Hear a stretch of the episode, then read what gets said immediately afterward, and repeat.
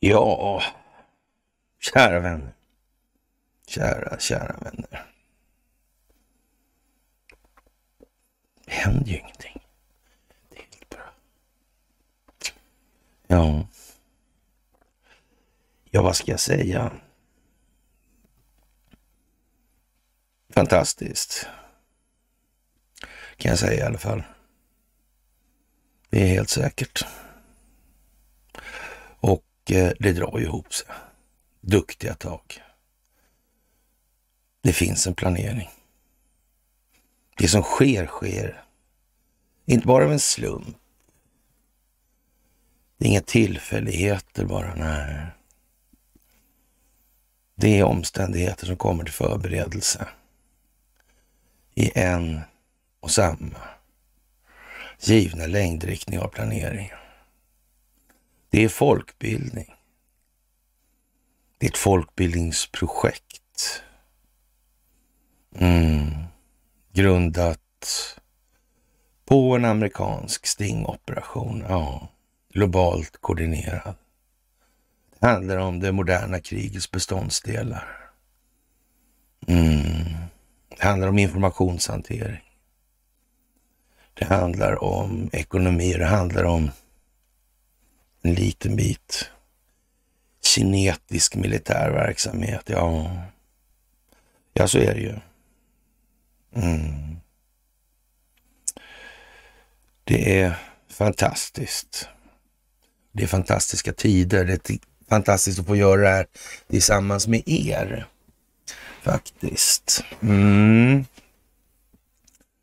Ja. Hur kommer det att gå då? Blir det krig? Ja, jag ska inte ta det igen. Jag har tagit det, jag vet det. Mm. Många oroliga. Mm. Det måste vara så. Det måste vara så att människor upplever känslor i det här. Känslor som leder till engagemang. Och ja, då får man dra det dit hem där så att säga de primitiva känslornas hemvist helt enkelt. Ja, känslor är ju mer biokemiskt betingade. Tankar är lite mer av en elektrisk natur. Ja. Och lite sådär. Och därför kan tankar påverka känslor. Ja, det går att vara rationell. Det går att rationalisera sina egna känslogrundande värderingar. Ifrågasätta sig själv. Här och nu. Mm. Fantastiskt. Fantastiskt. Vi skriver den 29 januari. Mm. 2023. Ny vecka. Det är dags för ett måndagsmys. Ja, och som vanligt det största av tack. Som vanligt det största av tack för gåvor på Swish och Patreon för att ni fördjupar er på karlnorberg.se och att ni hakar på Telegramtjänsten. Ja, det är ju lite udda det här faktiskt måste jag säga. att det liksom kommer i så stora delar nu. Man hade inte tänkt, jag hade inte riktigt tänkt mig att det skulle bli så ända in i helvete mycket. Häpnadsväckande nog kanske även för mig så verkar korruptionen vara utbredd. Inte bara i Stockholmsbyråkratin utan snarare över hela planeten. Mm. Planeten har tagit fasta på den här bilden. Mm. De har ju det. Ja, en glob. Fyra herrar. Numera intimt förknippade med det geopolitiska utvecklingsklimatet för svenskt vidkommande. Ja. Korruption, ja. Institutionaliserad korruption. Ja. Men om den är nog global av sin natur eller till sin natur då är det väl kanske viktigt att man försöker så att säga motverka de stödpunkter som den djupa staten har också. Då kanske det krävs sån här koordination, ja. Ja, man vet ju inte. Den här veckan blir mer händelserik än den förra veckan. Häpnadsväckande nog alltså. Det går liksom igen hela, hela tiden.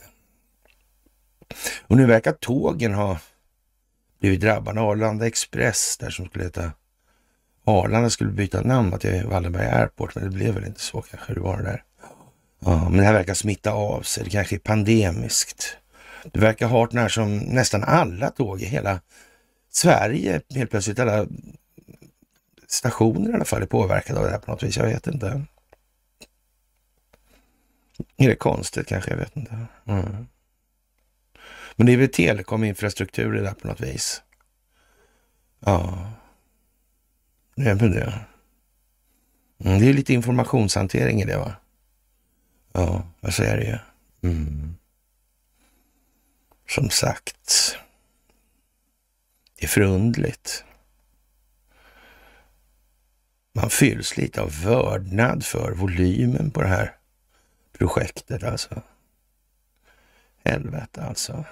Mm. Det är inte så lite. Nej, det är ju inte det. Och ekonomin där. Hur är det där egentligen? Dagens Nyheter skriver idag, eh, en Marianne Björklund skriver, Evergrands likvidation är toppen av ett isberg. Vad menar människan egentligen med det här? Och, och ja, vad innebär det här ur ett dominoeffektperspektiv egentligen? Egentligen ens. Ja, så mycket kan vi ju säga att eh, de här 3000 miljarderna då, det här handlar om kronor. Ja, det är en rejäl summa pengar alltså. Typ en tre biljoner sådär. Mm. Verkar ju... Nej, förlåt, det var ju så. Det var kronorna, där. Ja. Det där är ju undligt alltså. Men de har ju sina obligationer, sådana här bostadsbolag, har de inte det? Bostadsobligationer. Mm. Finns det någon slags sån här äh, försäkringar? Finns det någon sån här swappar liksom? Skuggbanksystemet är det kopplat till det där? Uh -huh. Hur stort är det då i det här sammanhanget? Vet man det? Nej, det vet man inte va? Mm, konstigt. Vad konstigt. Ja. Den kinesiska fastighetsjätten Evergrande är ett steg närmare kollaps. En domstol i Hongkong begärde på måndagen bolaget i likvidation. Evergrande som äger svenska elbilsbolaget Nevs i toppen på ett isberg på Kinas krisande fastighetsmarknad, skriver DNs Asienkorrespondent Marianne Björklund. Det här är många medier som rapporterar det här nu. Och vad betyder det egentligen att en domstol i Hongkong begärde kinesiska fastighetsbolaget Evergrande likvidation? En likvidation innebär att bolagets ekonomi tas över av en utnämnd likvidator som försöker sälja företagets tillgångar och använda pengarna till att betala skulder. I Evergrands fall handlar det om en enorm skuldbörda. Bolaget är världens mest skuldsatta fastighetsbolag och är skyldigt långivare över 3 000 miljarder kronor alltså. Eh, domen i Hongkong kom efter att Evergrande misslyckats med att övertyga internationella långivare om en plan på hur lånen ska omstruktureras, det vill säga delvis avskrivas och göra lite ackord på dem där. Mm. Men det är ju inte så särskilt lätt eftersom de här är bokförda som tillgångar i någons balansräkning, företrädesvis eh, alltså skuggbanker kan det ju naturligtvis också, men det, ja, någon har ju ett tillgångsvärde här och försvinner det, då försvinner ju tillgången då påverkar ju det så att säga bolaget. Mm. har inte lika mycket tillgångar längre helt enkelt. Nej, vad konstigt. Tillgångarna tycks gå upp i, i rök liksom. Mm. Har man vetat det här tro? Har man hållit på det här till det här tillfället? Är det här en del i det moderna kriget? Företrädesvis den ekonomiska delen då. Ja, det är det. Det är helt jävla säkert alltså.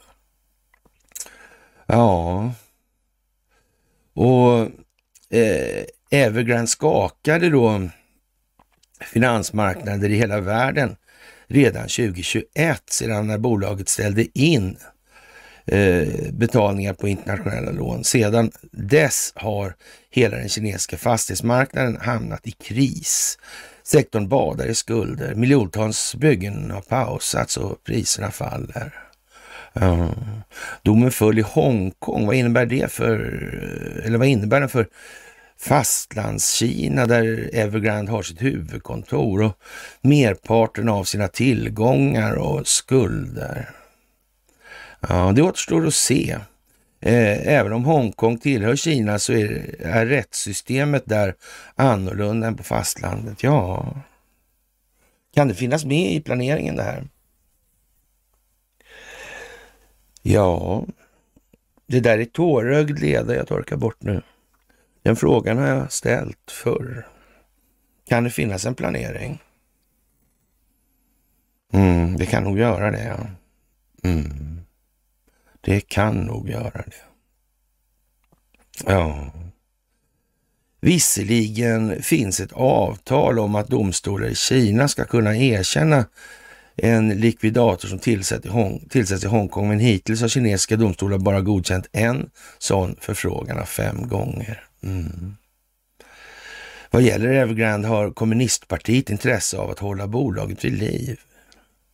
Hur är det med det där kommunistpartiet, CCP? Mm. Är det djupa staten det i Kina? Är det Xi Jinping, han förstod inte att det fanns djupa stat i Kina. Kan det vara så?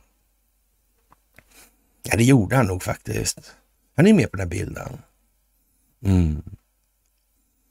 Vi anade nog redan då att det var så faktiskt. Ja. Det där är ju konstigt alltså. Jättekonstigt. Ja, och eh, Evergrande har tiotusentals kunder som köpt fastigheter på prospekt och väntar på att byggen av det de har betalat för ska före, färdigställas. Ja, arga köpare har redan protesterat mot att det är att de varken får pengarna tillbaka eller det är lägenheter det är köpt. Eh, den typen av missnöje vill kommunistpartiet undvika. Vad sa inte han Xi Jinping någonting här om veckan? Det gjorde han va?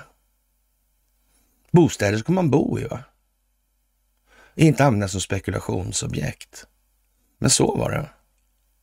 Om man nu har spekulerat i bostäder. Mm. Om man till exempel är skriven någon annanstans och så där, kanske det rent av har flera sådana här. Mm. Då är det nog närmast att se som spekulation, men då kanske man får liksom finna sig i att det inte är en given prisökning det här. Alltså, det måste finnas en risk i bakändan. Ja, det kostar, kostar någonting att köpa den här lotten alltså. Ja. Och kostnaden kommer, och det var nitlott alltså. Den kommer realiseras här. Påminner nästan lite grann om den svenska bolånemarknaden på något vis. Mm. Undrar om det var Xi Jinping som kom på det här, hela marknaden, alltså, eller själva upplägget. Mm. Kina har ju aldrig varit sådär äh, kolonialiserat. Nej, aldrig. Eller? Ja, kanske det har varit, ja. Ja. ja. Konstigt alltså. Ja. Och jättemärkligt alltså. Ja. Och, och då kom, säger man så här att därför kommer likvidatorn troligen tvingas börja med att ta över Evergrands tillgångar utanför Kina. Det är Nevs det alltså. Mm. Finns det kanske inblandat i andra bolagintressen? Jag köpte vindkraft. Man Jag vet ju inte. Nej. Man gör inte det. Jaha, vad betyder fastighetsmarknaden för kinesisk ekonomi? Ja, men eftersom de har samma system så kan man väl säga det. Är hyfsat betydande. Mycket alltså. Fastighetsmarknaden växte med hjälp av billiga lån i raketfart och står nu för en fjärdedel av kine kinesisk ekonomi.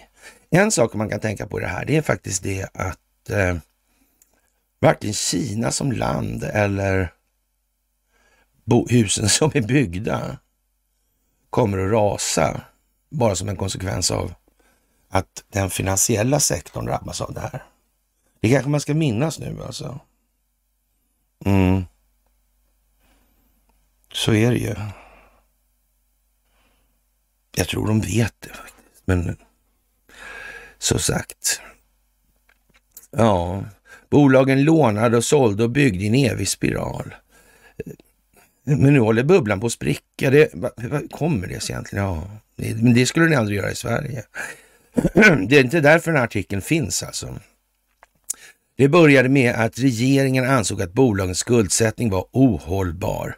Striktare regler infördes, typ eh, lånetak kanske, såna grejer då, för att minska överbelåningen. Det sammanföll med pandemins ekonomiska svacka och satte företagen i en ond cirkel för att minska Ja, för att minska sina skulder sålde de fastigheter till rabatterat pris. Ekvationen gick inte ihop och nu har de problem att betala räntan på skulderna.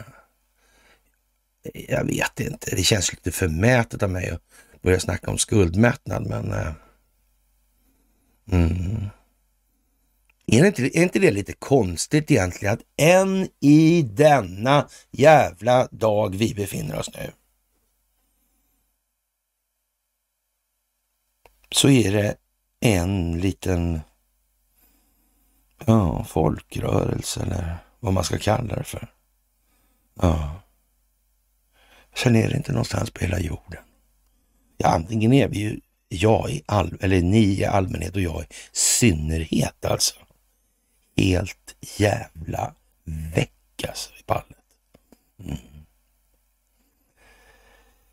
Eller så är det något annat. Jag vet inte vilket, jag är osäker. Ja, Fast, eh, fastigheten har dessutom betraktats som en trygg sparform. Men nu faller priserna hundratusentals har köpt lägenheter som väntar på att byggas färdigt. Krisen påverkar dessutom leverantörer av cement, arkitekter och byggjobbare. Samtidigt är den kinesiska finansmarknaden skakig och, och krisande fastighetsbolag bidrar till osäkerheten. Ja, man kan väl säga att Eh, fastighetsmarknaden är på något vis fundamental i de här sammanhangen, i det här ekonomiska systemet. Ja slår man mot den, den fasta egendomen alltså. Då blir det som det blir.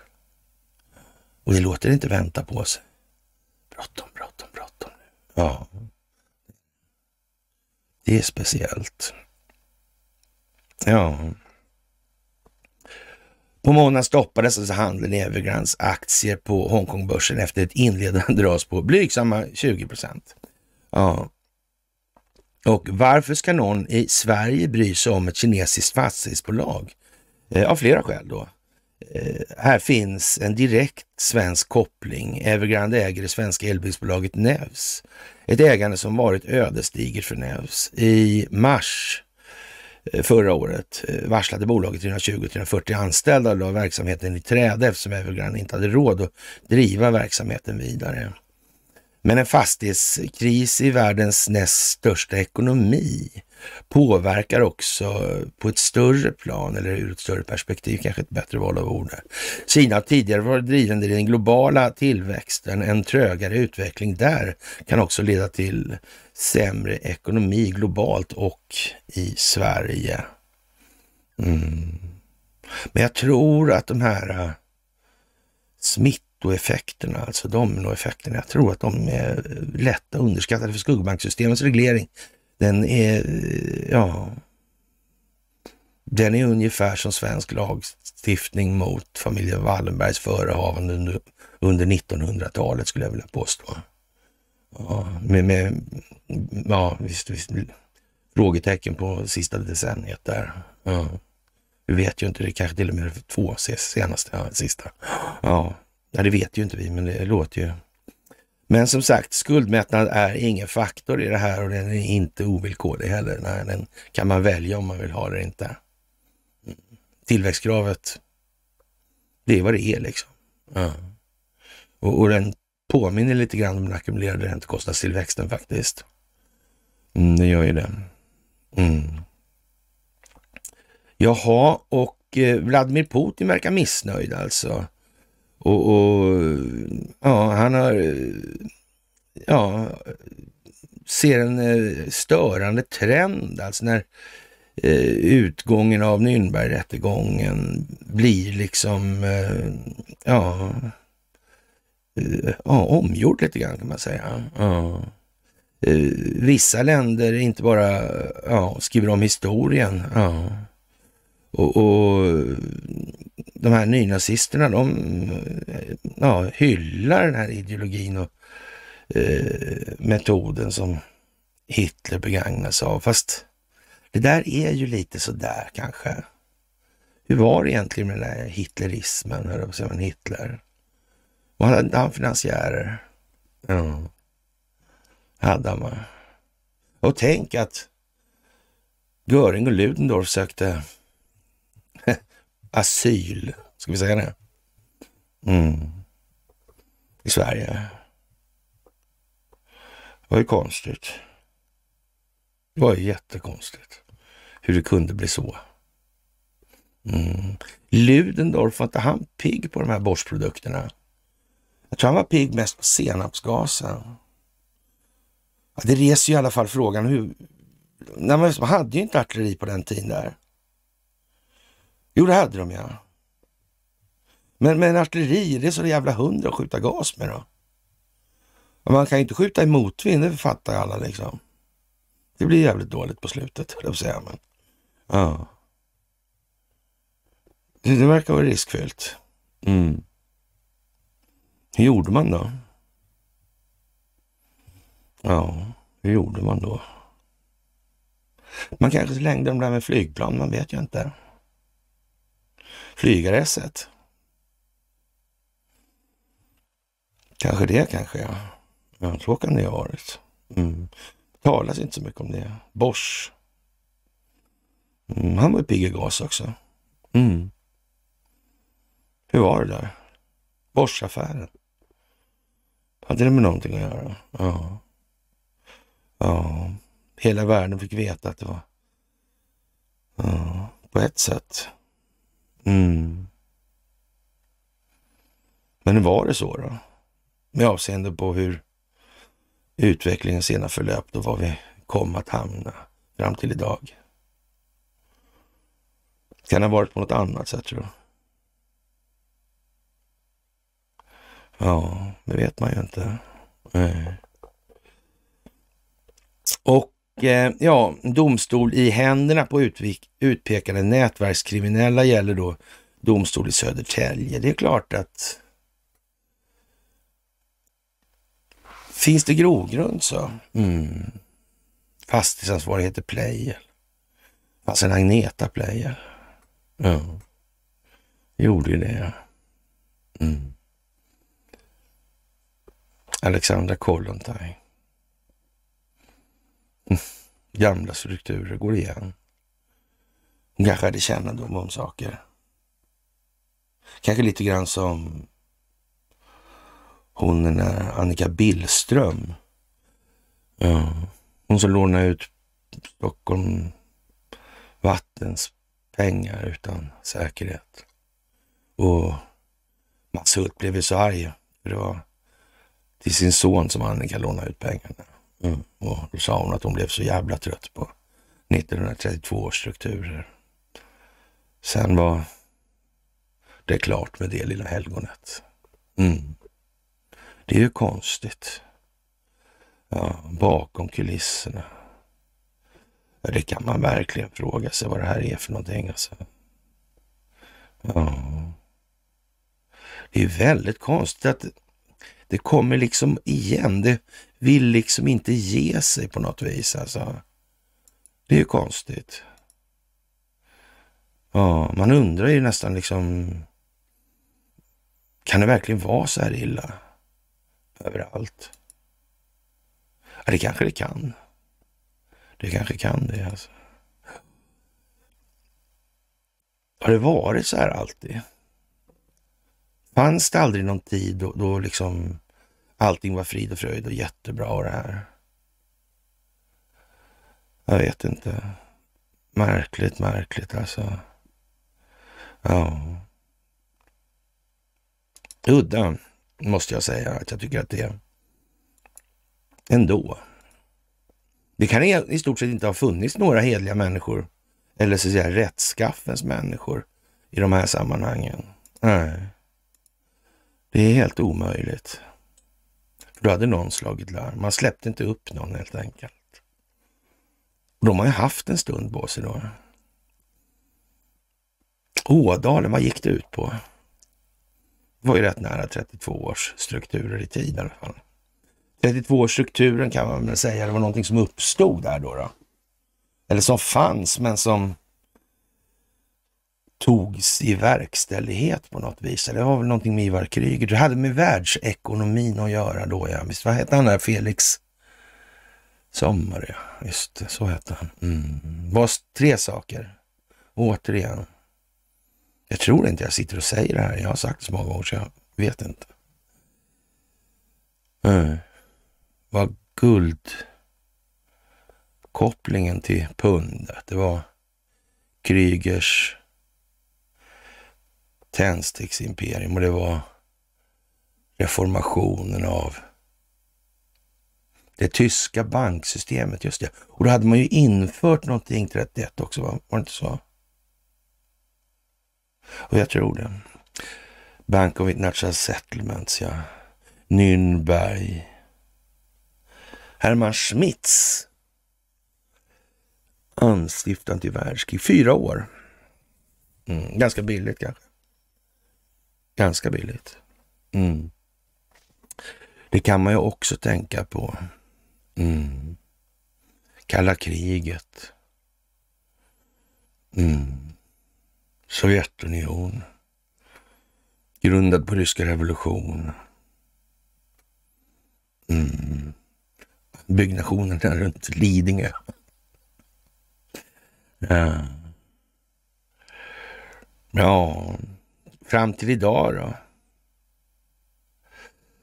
Ja, och eh, ja, sedan 1988 har det inte funnits någon övning större än den här Steadfast Defender som har dragit igång, alltså som är igång. Och eh, ja, västra militärkrafterna ska hålla på till maj då, 24. Vilken timing. Mm. Eller hur? Ser ut som man trummar upp nu ordentligt alltså. Ja, det gör Samtidigt drar det på i USA. Det gör ju det, eller? Ja. Det verkar vara något med Texas. Mm. Tecknen på väggen, det vill säga bilderna på slagskeppen och kryssarna. Mm. Vad säger de då? Ja, varje sån här bild som lägger upp så slår man den här, ja, landskapet höll jag på att säga. Hade varit Sverige kanske landskapsjagare, men nej, nej, okej. Okay. Så finns det någon händelse så kan man titta där. Och, Mm.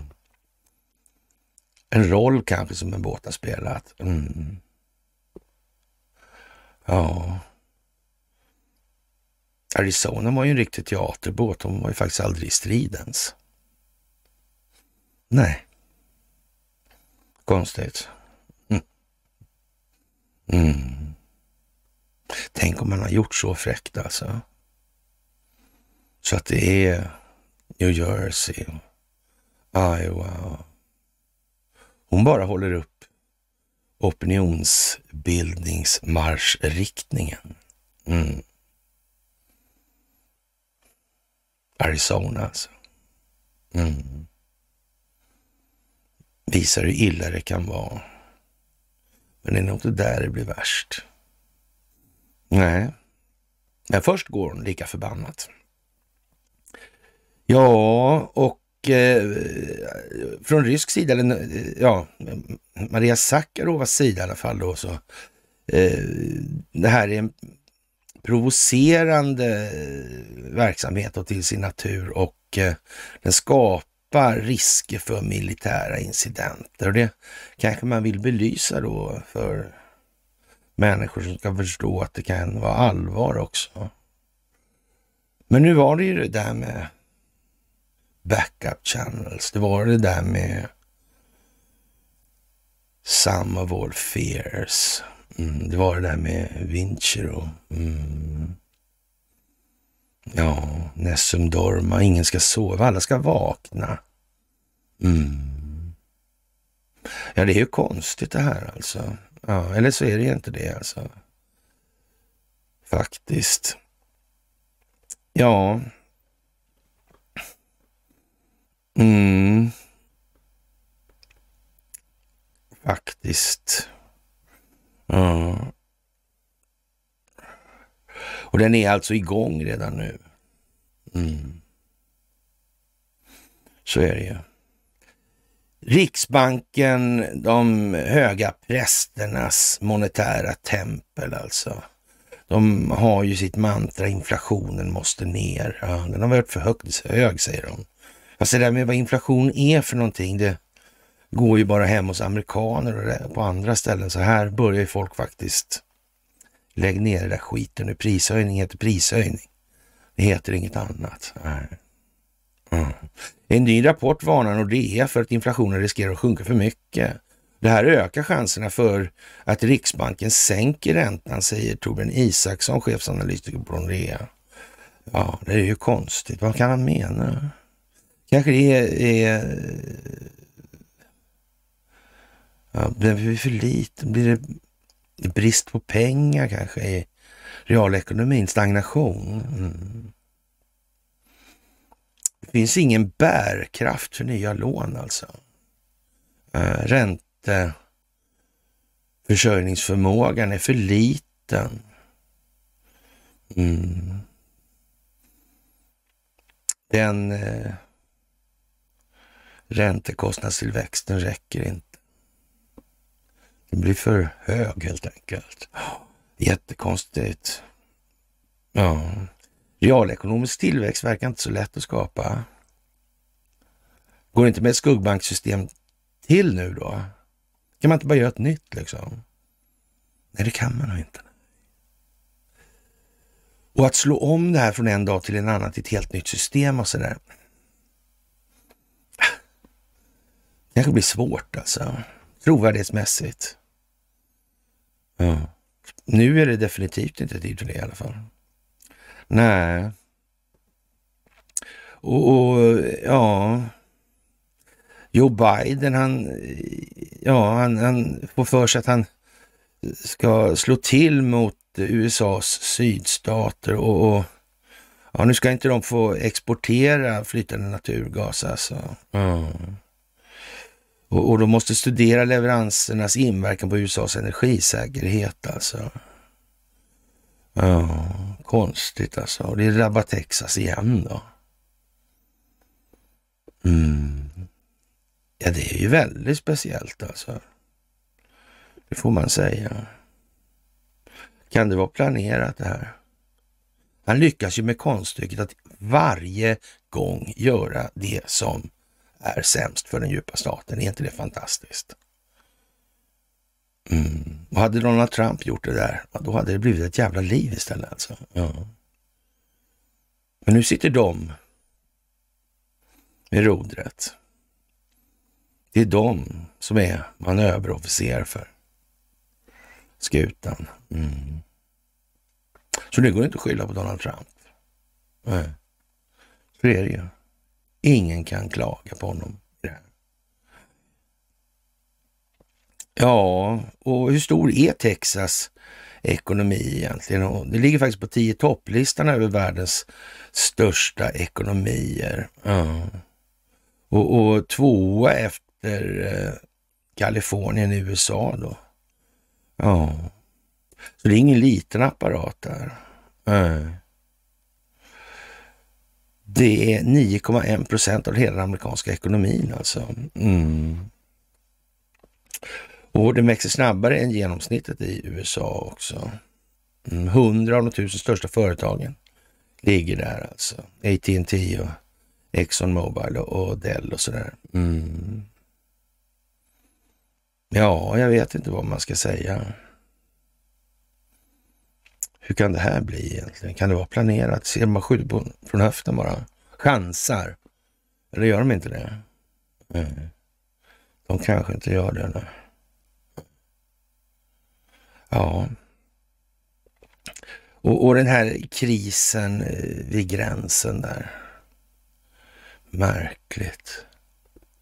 Det är ju som en invasion och ja, och ja, människor tycker att Ryssland och Kina är diktaturer.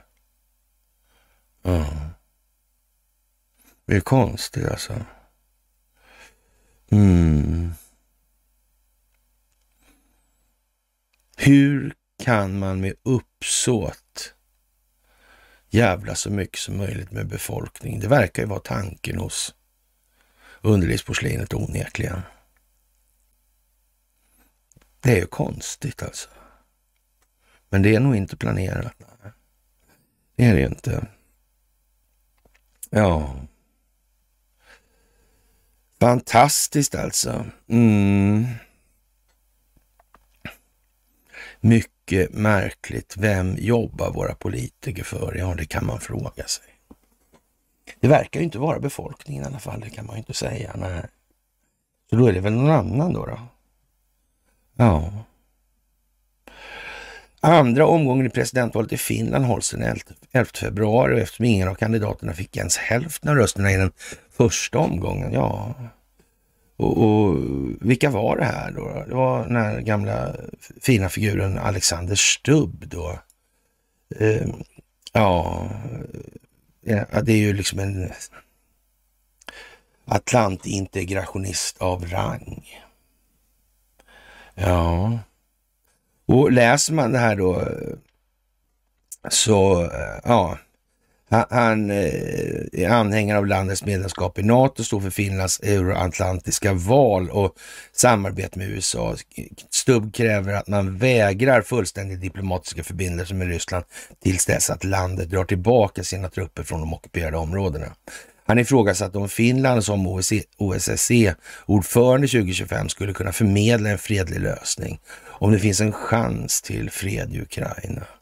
Och sen har vi då Pekka Haavisto. Han kandiderar, kandiderar som en oberoende kandidat med stöd av Miljöpartiet. Om han vinner kan han bli Finlands första gröna president. Haavisto anser att Eh, tillströmningen av migranter från tredjeländer vid finska gränsövergångar är en organiserad rysk operation och uppmuntrar till att hålla gränsen stängd så länge det behövs. Under valkampanjen förespråkade båda kandidaterna en fortsättning av den antiryska kursen och stöd till Ukraina.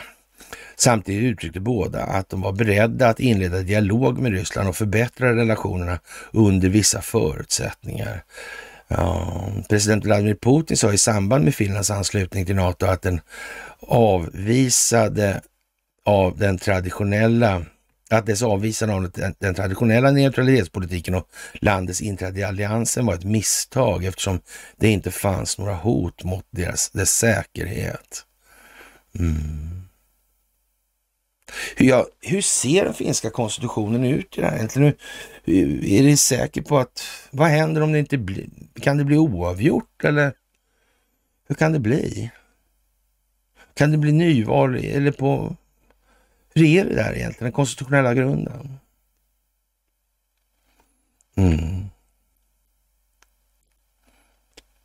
Kan det spela en roll i det här så? Vi har varit lite inne på det där när det gäller Sveriges förhållande till sin icke-existerande konstitution, de, de här konstiga grundlagarna och regeringsformen. Ja, femte kapitlet där ja. Mm. Det är märkligt. Mm. Och den här propositionen 74 där också. Och Finlands sak är för det är vår sak. På något märkligt vis. Kan någon ha tänkt på de här? Kan det vara förberett kanske? Ja, man vet ju inte riktigt det. Mm. Man kanske kan leta lite i det här rätt gedigna informationsmaterialet som finns tillgängligt på nätet. Ja. Så kanske det bringar klarhet, man vet ju inte. Mm. Ja. Och som sagt, vad, vad tycker Donald Trump om NATO och varför? Ja, det får man nog ställa sig frågan till. Och Konkurrensverket har eh, ja, skärper upphandlingstillsynen. Mm. Hur kommer det sig nu? Man får ta, göra som Kajsa Warg naturligtvis, man får ta vad man har, men ja. Och under en övergångsperiod så, mm, men frågan är vad det blir av det här. Alltså. Ja. Vad kan det bli av det här? Det måste man fråga sig. Och i USA konstaterar man att eh, ja, Nikki Haleys eh, eh, kampanjmakare eller bidragsgivare där, det är samma lirare som eh, den här eh, domaren då. Det är konstigt alltså. Mm. Men är det någonting som hindrar att Nikki Haley har lurat honom lite? Birdbrain. Verkar inte det lite översignalering? Mm. Ja, jag vet inte. Är han så praktvulgär? Mm. Behöver han vara det? Han är inte kallare än så alltså. Mm. Man vet ju inte det, man känner inte honom så. Men det verkar vara ett dyrt projekt om inte annat att hålla på med det. Både för honom och för ja, de som möjligen presumtivt, hypotetiskt, kan finnas bakom också. Mm. Men han tänkte inte på sådana detaljer. Nej, rätt vad det är får man bara ett spel och sen bara skiter det sig alltihopa. Låter lite som svenska medier i övrigt skulle man kunna säga i så fall. Ja. Och hemlig EU-plan hot om sabotera Ungerns ekonomi för att få till Ukrainas stöd. Och EU kommer att sabotera Ungerns ekonomi om landet fortsätter att blockera ett nytt stödpaket till Ukraina under veckans toppmöte i ministerrådet. Det visar hemliga dokument som Financial Times har tagit del av. Tänk att de läckte de där dokumenten ändå. Ja. Av dokument framgår att Bryssel planerar att permanent stoppa EU-stöd till Ungern om inte premiärminister Viktor Orbán går med på att släppa fram stödpaketet på torsdag. Syftet är att skrämma marknaden, utlösa massförsäljning av landets valuta och öka landets lånekostnader. Financial Times beskriver EU-draget som en betydande upptrappning i konflikten mellan unionen och det mest ryssvänliga medlemslandet. Enligt tre EU-källor ställer sig många länder bakom förslaget. Eh, Ungerns eh, EU-minister Janos Boka, eller Böka kanske, Böka, Bocka ja, säger till tidningen att man inte var medveten om hotet men att landet Eh, inte planerar att falla för trycket. Jag tycker det låter som det trappas upp och jag tycker det här har, måste ha någon bäring på den här NATO-grejen. Eller är det fel att räkna så eller tänka så kanske? Jag vet inte. Kanske. Ja. Mm. Ja, man vet ju inte. Ja, det är speciellt i alla fall. Det får man väl säga. Och det verkar som att eh, det kommer en båt, skepp kommer lastat alltså, USS Atlanta. Det är en kryssare. Atlanta. Hm. Ja, vad kan det vara för någonting då, tror du? Vad vill de säga? Vad kommer hända? Ja, finns det någonting där? Den där kyrkan som rasade var också konstig. Eller hur? Mm. 1638 gick Mayflower. Klockan som snoddes i Bromma, det var också 1638. 1640 byggdes första kyrkan och platsen där den här nu rasade den andra. Ja. Vet inte. Konstigt. New Sweden och sånt. Det där var New England. Mm. Att det var ju krig där mellan fransmän, svenskar och britter. Mm, det var ju det. Det var ju det. Mm. Ja. Och sen kommer det upp en italiensk båt och ett fartyg. Det är ett slagskepp däremot och hon heter Andrea Doria. Hon seglar till Malta. Ja. Det är ju konstigt. Malta, där har vi många spelbolag, svenska. Betsson och sådär. Du vet, de, de, de är ju i ropet och sådär. Nere. Andrea Doria, vad var det för någonting? Det var också en båt, en senare båt faktiskt. Italiens, eh, vad kan man säga, första stora enande symbol i alla fall. En av de första. Efter andra världskriget. Mm. Den gick det inte så bra för. Nej, det gjorde inte det.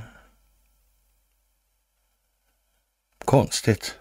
Mm. Den hette alltså också Andrea Doria.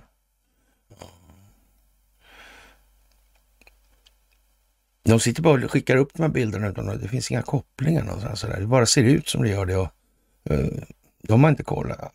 Nej, jag vet ju inte det. Alltså. På tal om det ena och det andra så står det så här nu i Valköpingstidningen att slumpen som gjorde Paasikivi till expert, då slutar han alltså. Ja. Och, och, och det berodde på att, han såg så prydlig ut, sa hans chef alltså. Ja. Det verkar inte bygga på någon övrig sån här eh, jättestor expertis i den meningen. Nej. Ja kan jag säga så då? Ja, det kan jag göra hur lätt som helst alltså. Han, han, han är ingen bra baddare på masskommunikation på det viset. Alltså så det är han ju inte. Men, men skitsamma då det där med informationshantering. Men ekonomin i alla fall. Möjligheten, eller ska vi säga chansen till att Joakim Paasikivi är jättebra på monetär mekanik.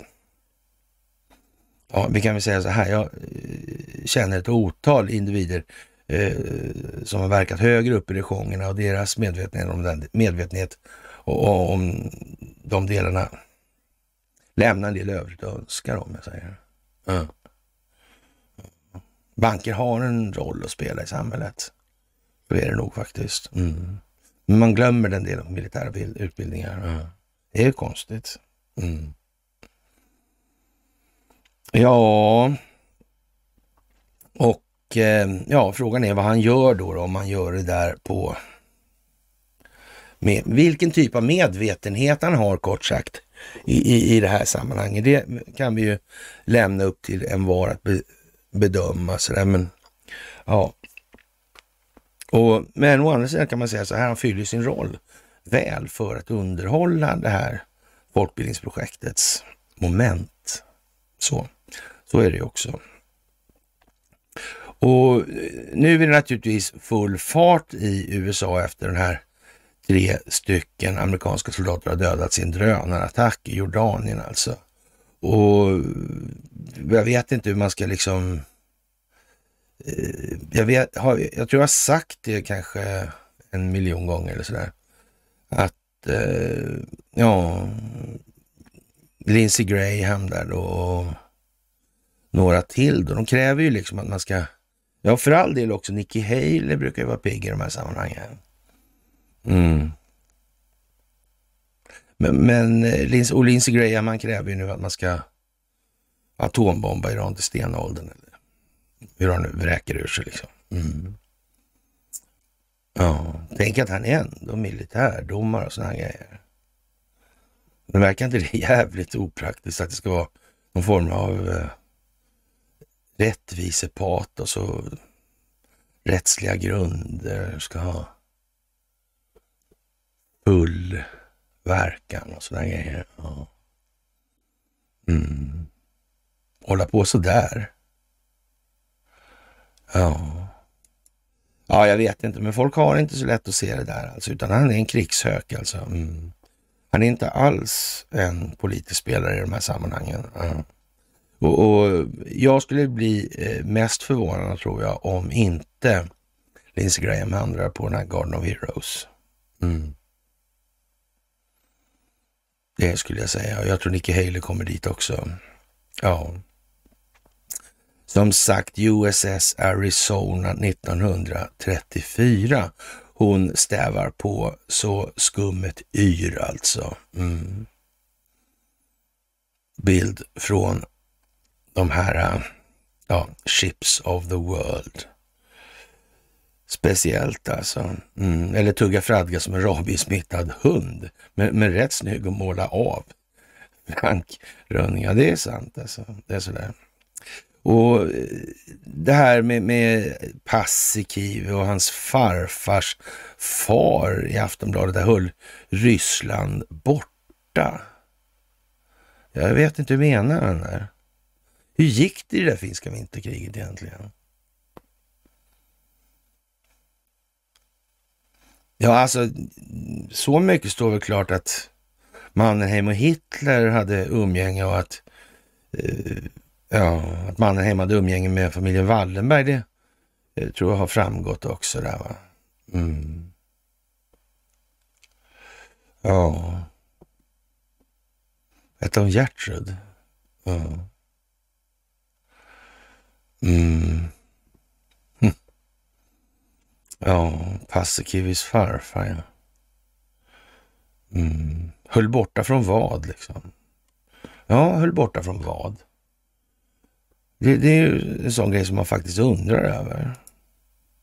Man tycker ju liksom att uh, vann finnarna det där kriget, eller hur var det där egentligen? Vilka, vad ledde de här eh, stridigheterna till egentligen? Vilka överenskommelser blev det av det där? Hur ser de överenskommelserna ut idag i förhållande till det finska NATO-inträdet till exempel? Mm. Just det. Hur är den här konstitutionen egentligen i Finland?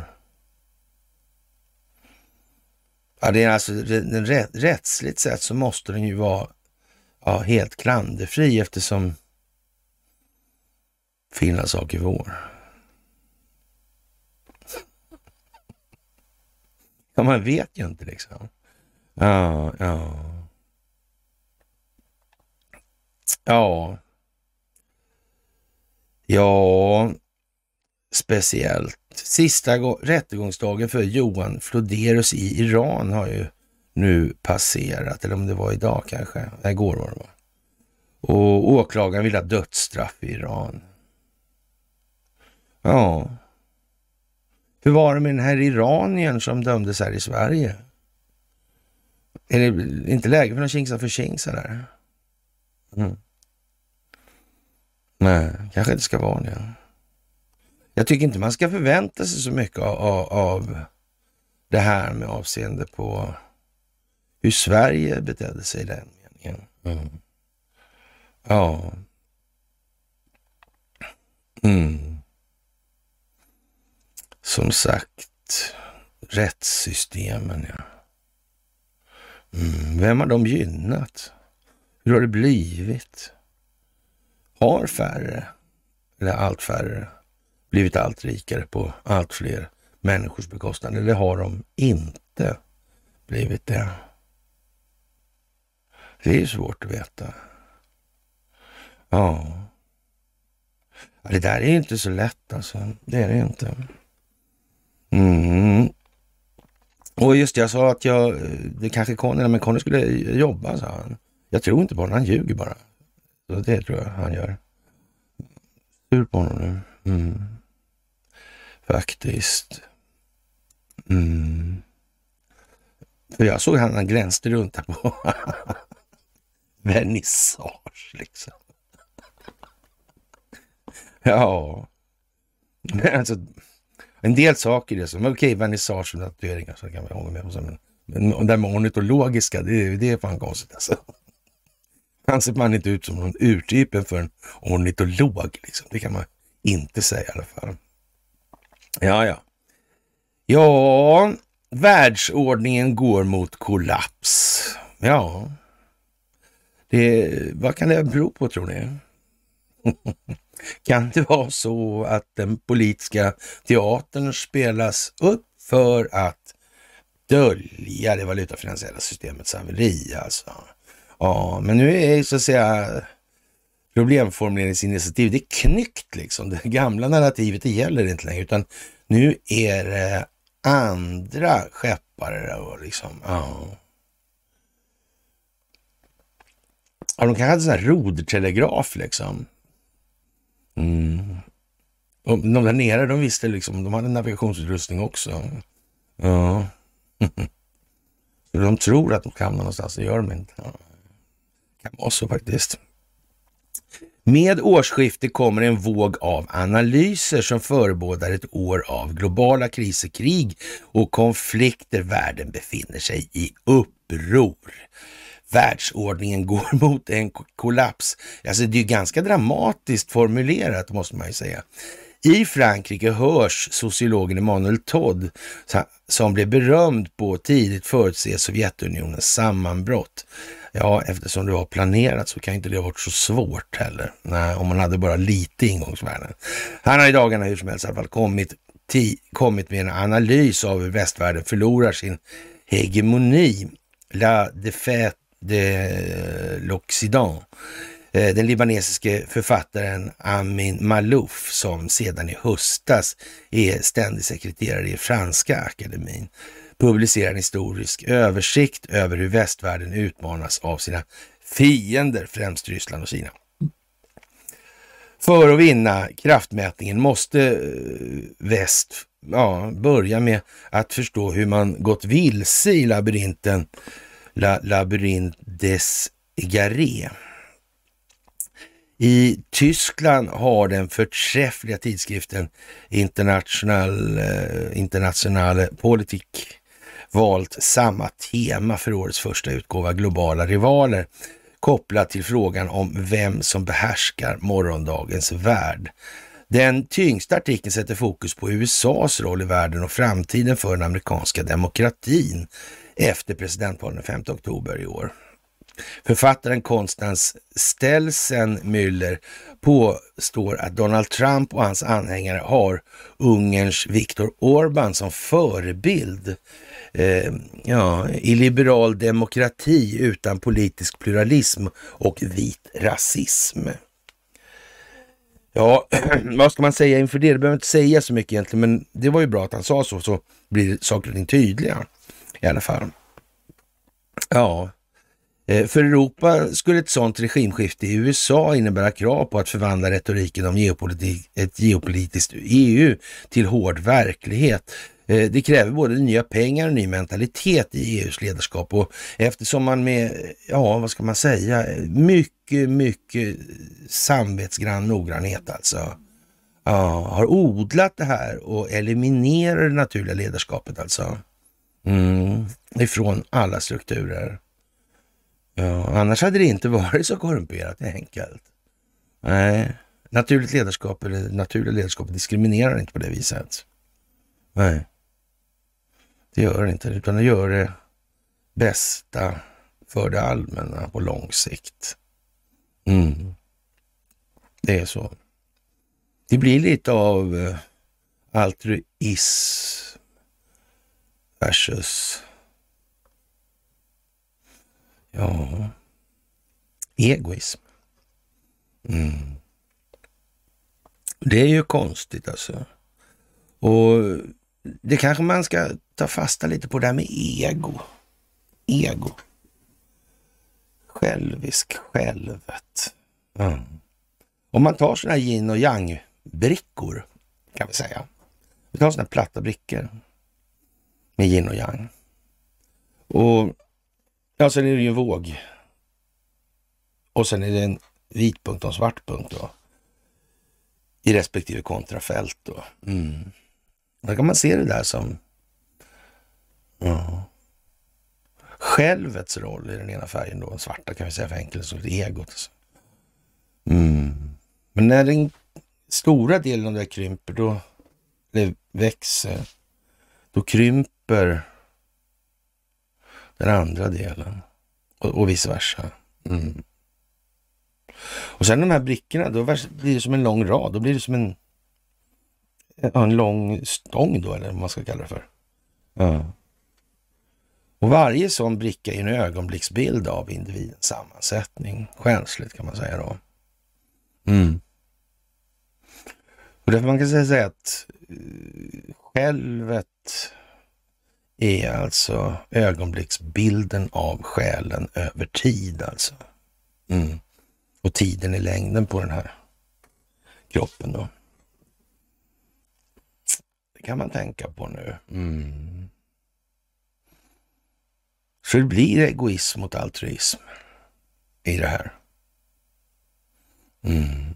För vi behöver också egot inom självet. Mm, annars överlever vi inte som biologiska individer. Det kan man ju tänka på. Så den behövs. Men sen, hur mycket behövs det? Ja. Hur mycket hjärntvättad kosmetika behöver vi egentligen?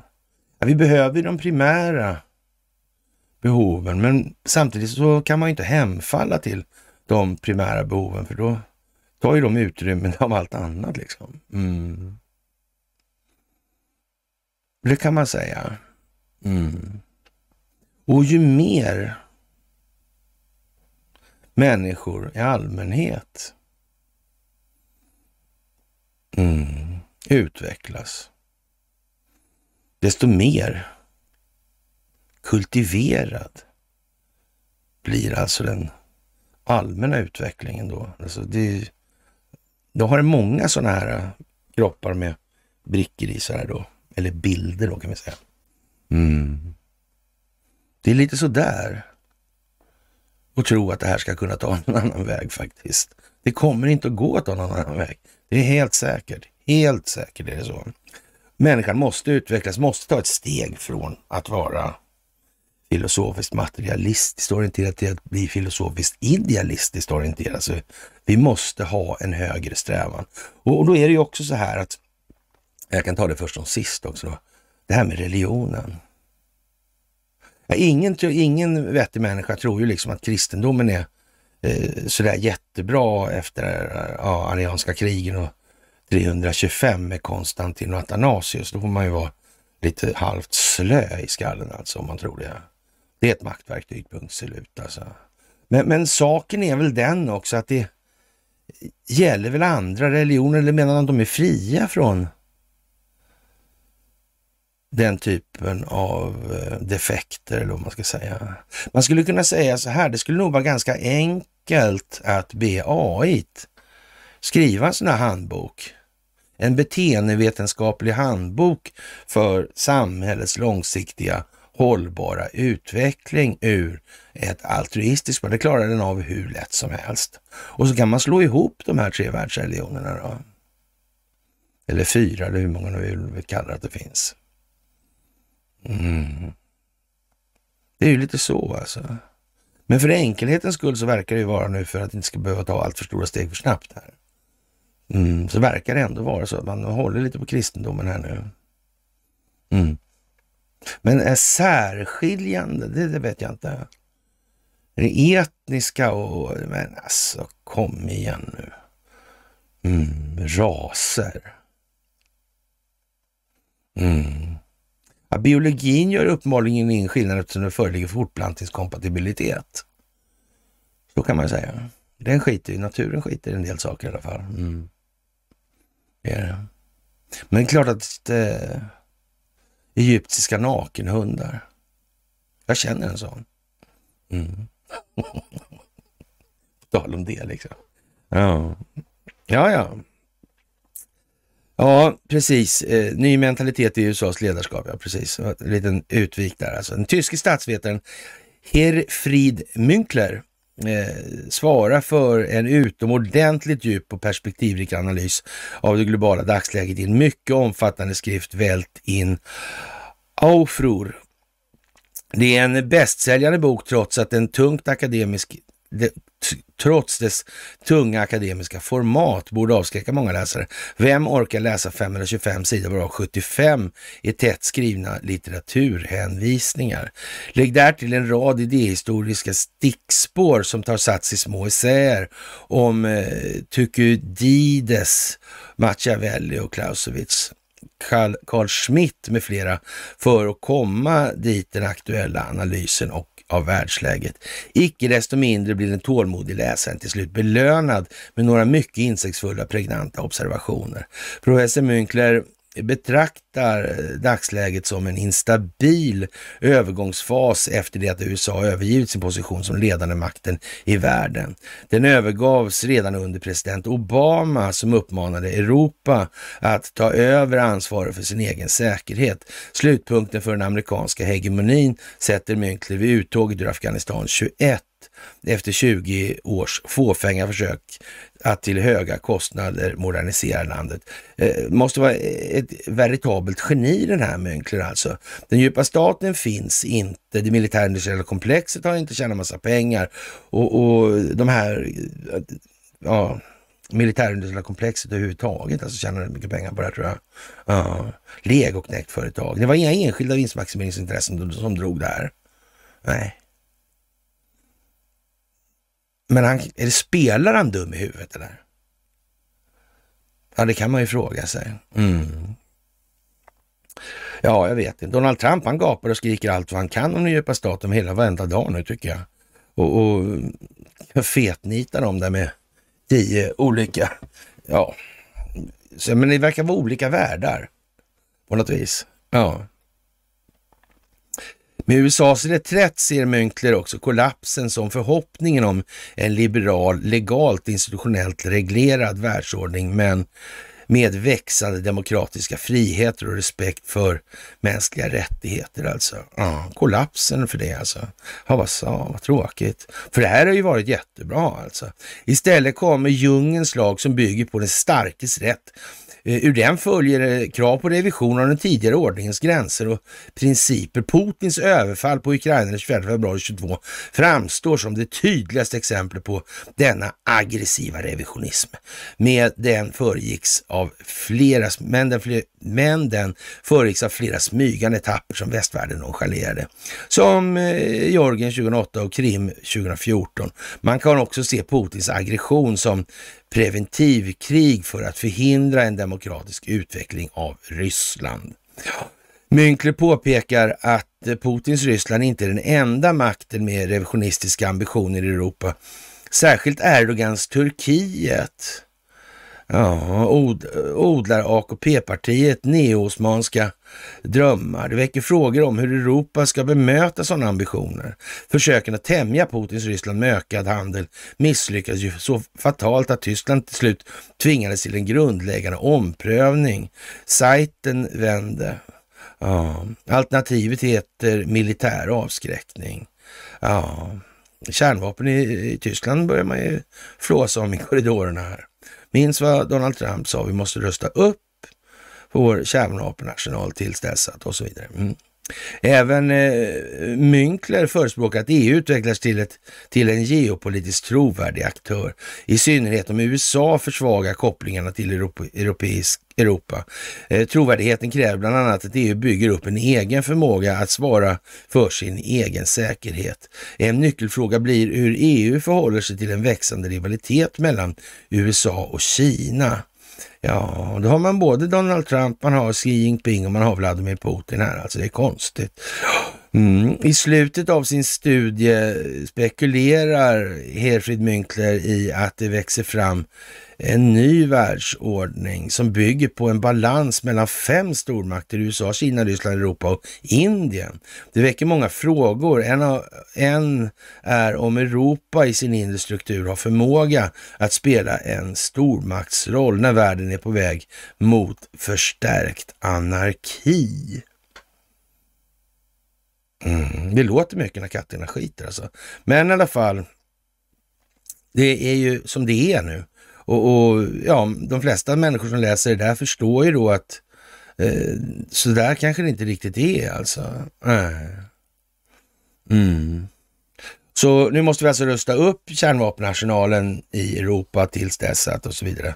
Och, och då måste den här förvaltningsassistansen på, snabbt på plats. Alltså vi kan väl anta att i ljuset av de här militära övningarna och så vidare nu. Uh, Maja. Uh, så var det väl den där typ med Super Tuesday och sådana grejer. Ja. Ja. Europa behöver alltså satsa på avskräckning. Ja. Konstigt, konstigt. Ja. Och Trump han sa ju det här på, ja, i Davos 20 där att att man måste förstå att vi kommer aldrig hjälpa er om Europa angrips, säger han till Europa. Och, och förresten så är NATO dött och vi kommer att lämna NATO, sa han till Ursula von der Leyen. Mm. Ja, det var en väckarklocka. Thierry Breton säger vi förstod att vi är ensamma. Som häromdagen återgav händelsen i en paneldebatt i Bryssel som arrangerats av den liberala parlamentsgruppen Renew Europe. Kan man inte lita på ett Trumpstyrt USA då? Ja. Von der Leyen, eh, ja, hon vill idag varken bekräfta eller dementera det här samtalet. Men, men ja, det står klart att det i Europas huvudstäder och bland säkerhetsexperter finns en tilltagande oro för vad som ska hända om Donald Trump ännu en gång tar över USA. Mm. Ja, tänk om han redan är eh, befälhavare då. Mm. Ja, man kan ju säga att ju längre han kan hålla på desto bättre är det ju. För totaltidens skull. Mm. Det kan man säga. Faktiskt. Ja, det vore en katastrof, säger Tysklands försvarsminister Boris Pistorius i slutet av förra året. Trump väntas enligt Pistorius fokusera på Kina och trappa ner engagemanget i Europa, precis som många räknar med att även demokraten Joe Biden kommer att göra. Jaha, men vad för jävligt alltså. Ja, och ja, det, det ultima, ultimativa hotet om vedergällning och ömsesidig utplåning som enligt många har eh, förhindrat krig mellan Ryssland och NATO. Alltså, ja. Men det är konstigt alltså. Kärnvapenparaplyt alltså. Vecklar han bara ihop då alltså över Europa? Ja, kan det ha något med den upprustningen att göra? Jag, vet inte. Ja. Trots det här är osäkerheten stor, alltså det, det, tack vare kanske man ska säga. Och det innebär enligt Tysklands tidigare utrikesminister Joschka Fischer att Europa behöver en egen vedergällningsförmåga inklusive kärnvapen för att möta en granne som Ryssland som styrs av Putin Putins imperialistiska ideologi alltså. Jaha, och Joschka Fischer har tänkt ut till här nu, så hon har gjort ett utspel i veckotidningen Design i förra, för början av december. Eh, en het debatt om för och nackdelarna med egna europeiska kärnvapen, men också om hur det i så fall ska genomföras. Och ingen ser framför sig att Ursula von der Leyen skulle sitta vid den röda knappen. Men, men eh, det finns en rad andra förslag. Det viktigaste, eh, fot, den viktigaste fotbollen i världen alltså då, för vårt vidkommande. Den mytomspunna väskan där koderna för USAs kärnvapen uppges finnas alltså. Väskan med den röda knappen bör cirkulera mellan Frankrike, Tyskland och Polen samt Italien och Spanien föreslår säkerhetsexperten eh, Herfrid Münkler. Eh, Carlo Massala vid tyska försvarshögskolan vill att vill ha förhandlingar med kärnvapenmakten Frankrike om ett utökat skydd för Europa. I väskan eh, som alltid ska finnas bredvid USAs president och som kallas för fotbollen, den verkar, jag vet inte om underlivsporslinet har dubbla eller en hel kanske, jag vet inte. Mm. Finns det några bilder på den här? Mm. Ja, Marcus Kaim vid utrikespolitiska tankesmedjan Stiftung Wissenschaft und Politik, SVP, säger till SvD att de flesta idéerna som nu cirkulerar är endera orealistiska eller bör ses som långtidsprojekt liknande den europeiska valutaunionen som det tog en generation att mejsla fram. Mm. Ja, jag vet inte vad man ska säga om det här. Det är ju eh, som det är alltså. Lite halv larvigt. Men, men alltså, för att få upp folk på tå så måste det här bli så här nu alltså. Ja. Och eh, en annan möjlighet är att EU bygger upp en egen eh, europeisk kärnvapenstyrka alltså. Uh. Jag vet inte, men det förutsätter en EU-integration och ett slags Europas förenta stater som idag framstår som ett rent önsketänkande, säger eh, säkerhetsexperten Marcus Kaim. Ja, nej, jag vet inte heller. Det som är ju helt otroligt. Att, men som sagt, det går trögt på sista raden alltså. Och, och en starkare kärnvapenroll för Tyskland liksom. Jaha. Ja, jag vet inte, men det kanske blir jättebra. Eh, men de har ju inte ens kängor till sina soldater. Men nej, blir inte det liksom lite tokigt det här nu? Ja. SCB är ju en faktor för oss svenskar som inte går att överskatta.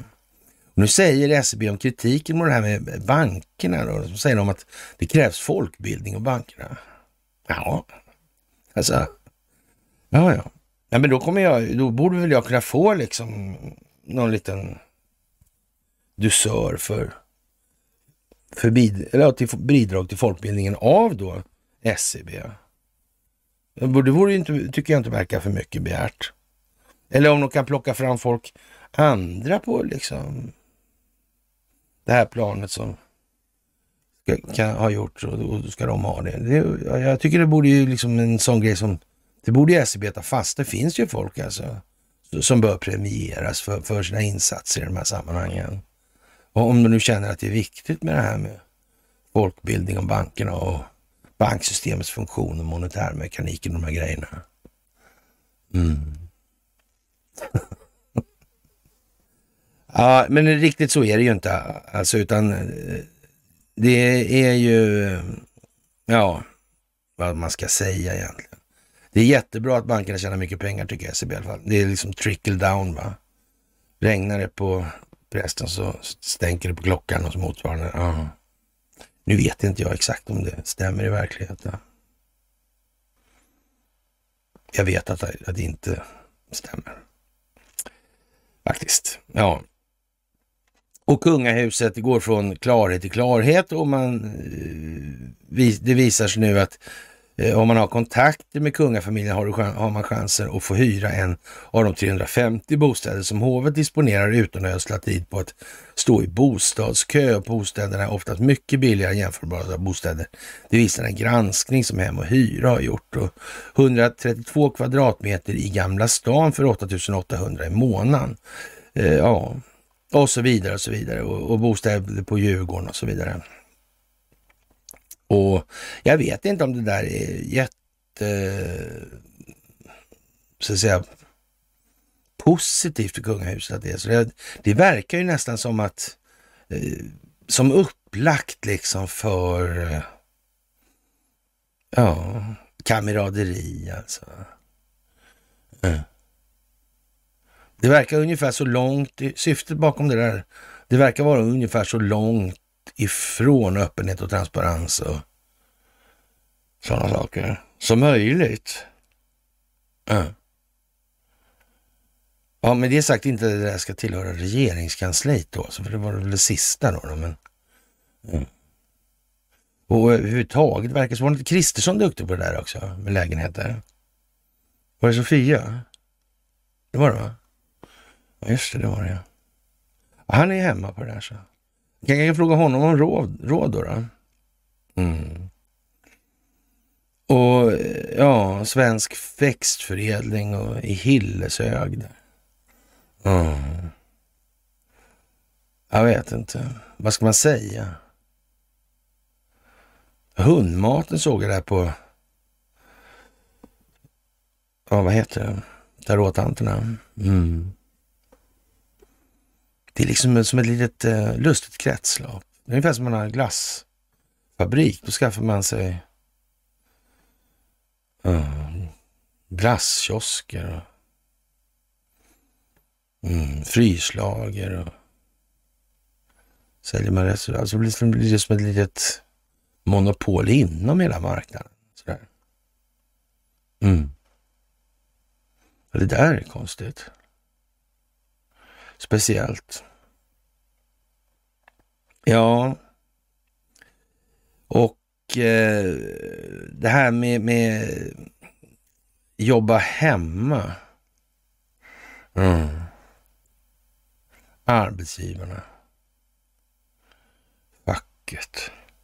Alltså problemet med det här är att allting alltid har varit helt riggat. Det har aldrig varit någonting alltså. Mm. Inte ens Mello har varit någonting annat än riggat. Och därför protesterar tusen svenska artister nu mot att Israel ska få ställa upp då. Ja. Konstigt alltså. Mm. Tänk hur tiderna förändras. Det är jättemärkligt alltihopa. Och, och Ukraina tappra krigare. Ja. Massbedrägerier i vapen sammanhangen. Personalen stjäl pengarna. Några vapen kom aldrig fram. Nej, det är ju konstigt. Och det är Reuters. Mm. Men inte svensk press. Inte så mycket i alla fall. Nej, faktiskt. Och, och det här med inblandad i terrordåd när FN-personalen. Men ska han Guterres, är inte han högste chef där? Det verkar ju jättekonstigt. Ska han lägga sig i? Ska han bestämma vilka som ska utredas och åtalas? Det verkar jättekonstigt. Han borde ju behöva hålla händerna på skrivbordet garanterat. Ja.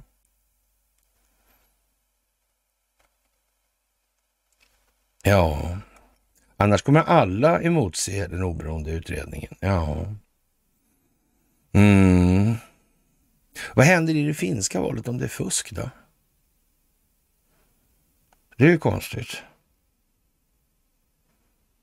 Eller strula på något vis. Hur ser konstitutionen ut? Ja, det kan man verkligen fråga sig. Ja. Faktiskt. Mm. Mitt förhållande till Sverige har gått sönder, skriver man i Svenska Dagbladet. Ja. Pogromen, efter, största pogromen efter förintelsen. De där brösttonerna. Hur fan blir det där egentligen, alltså, den minoritetslagstiftning? För lika behandling. Det är ändå en särlagstiftning. Man skiljer sär någonting från det övriga. Ja. För att de här två delarna ska behandlas lika då. Men det är bara i Sverige sånt där skit går hem alltså. Det är ingen annanstans. Alltså så, så det är olika formaterade, men här är det så för att Douglas McGregor säger att det är så. Nej, det är inte så därför, utan, men han säger att det är på så vis att svenskar bara säger, nej men det har regeringen sagt, de har gjort en utredning. Oberoende dessutom. Mm. Ja. Mm. Den 7 oktober 23 revs mitt trygghetskontrakt med Sverige. Det spelar ingen roll om de politiska företrädarna sa rätt saker. Det majoritetssamhället jag mina barn möter när vi navigerar i tillvaron i levande livet och på nätet. Ja,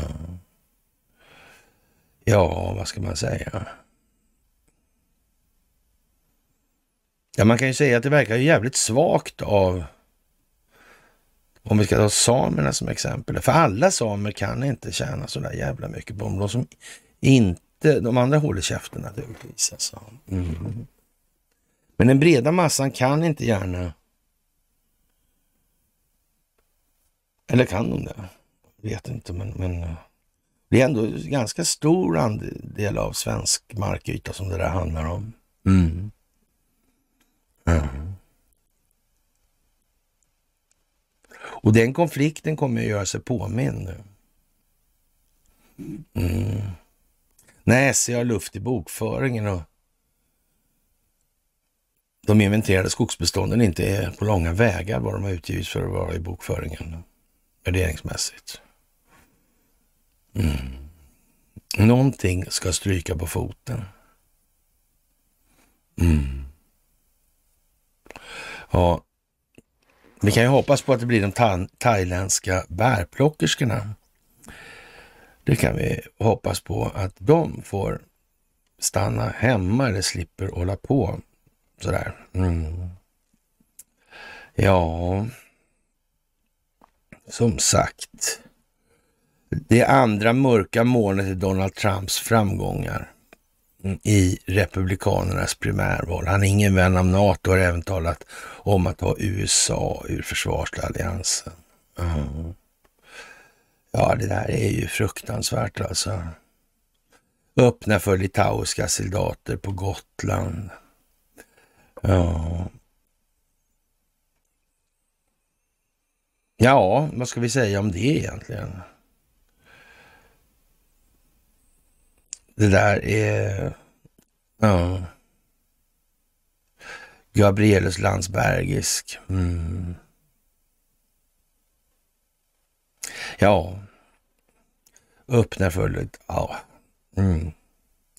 Som sagt, det här blir jättebra.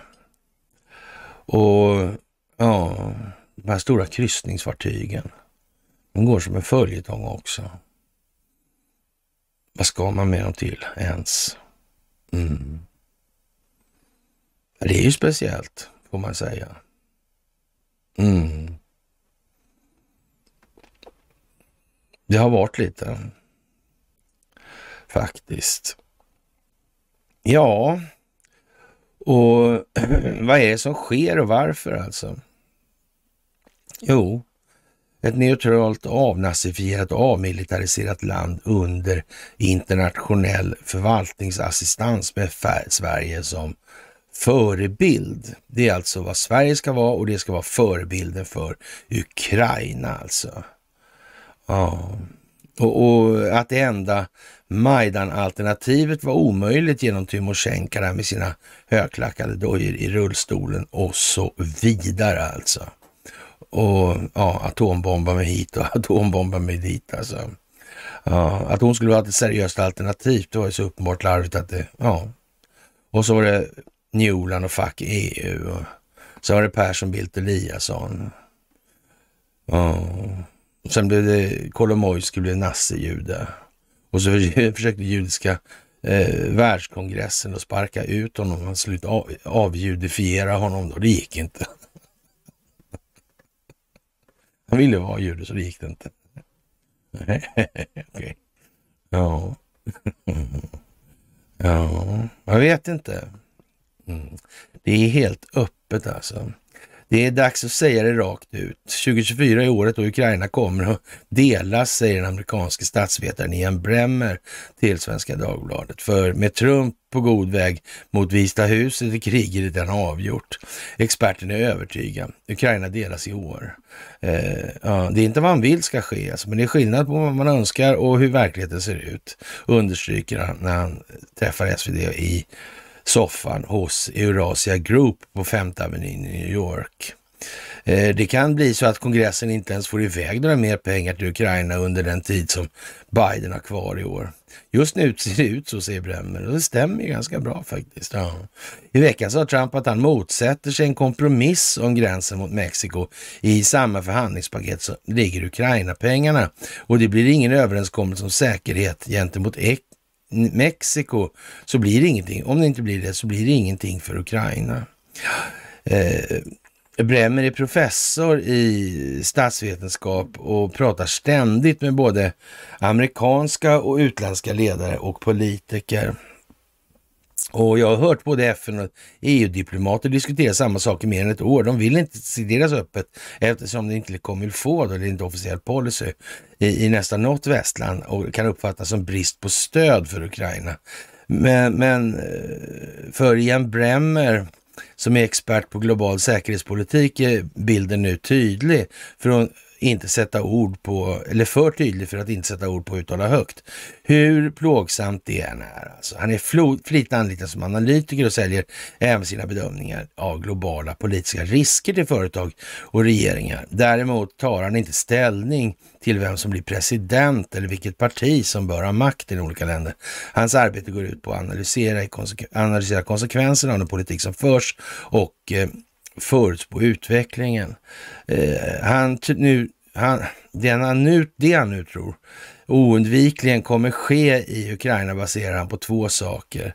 Jag har svårt att se att Ukraina kan vinna tillbaka mer mark och att Donald Trump blir republikanernas kandidat. Att Trump nu är mycket nära nomineringen innebär att han får helt ny status och mycket mer makt. Redan som officiell presidentkandidat kommer han ta del av underrättelsetjänstinformation och på högsta nivå. Och det gör han och, och eh, säger och vad han säger sen väger ännu tyngre i kongress långt innan presidentvalet är avgjort. När det gäller Ukraina är Trump extremt tydlig. Han har, hade han varit president så hade Putin aldrig ens invaderat. Trump beskriver sig som Putins favorit och utlovar en snabb lösning där kriget är över på 24 timmar. Zelensky har redan nu uttryckt sin oro för något i den stilen, att Trump som president skulle plocka upp luren och göra det han säger sig vara allra bäst på att få till en deal med Putin helt på egen hand. Eh, glöm inte heller att Zelensky eh, också är Trumps politiska fiende sedan gammalt, påminner Brenner. Och, och, det hade journalister nästan glömt. Som nyvald president sökte Zelensky redan 2019 militär hjälp från USA. Det kunde bara han få, sa Trump då, eh, på ett villkor, att han eh, fick den ukrainska åklagaren att inleda en eh, utredning mot Joe Bidens son Hunter. För det, ja, bland annat blev Trump ställd inför riksrätt anklagad för att ha missbrukat presidentämbetet för personlig vinning gentemot en politisk motståndare. Mm. Verkar gå igen det där, fast åt andra hållet på något vis nu. Mm. En oberoende amerikansk riksrevision visade också senare på att Vita huset under Trump olagligen hade stoppat pengar som kongressen redan godkänt till Ukraina. Ja, så därför skingrades de pengarna ändå sen. Så det, aha. Inga europeiska ledare förutom möjligen Orban i Ungern kommer att ställa sig upp och likt Trump tala om att stoppa kriget i Ukraina i år, tror Bremmer. Men under tiden fram till det amerikanska presidentvalet i november kommer mer splittring börja skönjas i Europa. Politiska grupper och organisationer, till exempel i Tyskland och Frankrike, kommer argumentera hårdare för ett vapenstillestånd. Under tiden kommer Ryssland fortsätta öka luftangreppen mot Ukraina som får allt svårare att försvara sig när ammunitionen sinar och hjälpen från omvärlden uteblir. Det Ian Bremmer förespår är inte en delning av Ukraina där alla parter sitter ner vid ett förhandlingsbord ens motvilligt kommer överens. Snarare någon form av skakigt vapenstillestånd där ingen part erkänner någon annans rätt, och, men där en femtedel av Ukrainas eh, eller Ukraina fortsätter att vara under rysk ockupation på obestämd tid. Det kommer inte heller att erkännas eller accepteras förutom av några få länder och Trump.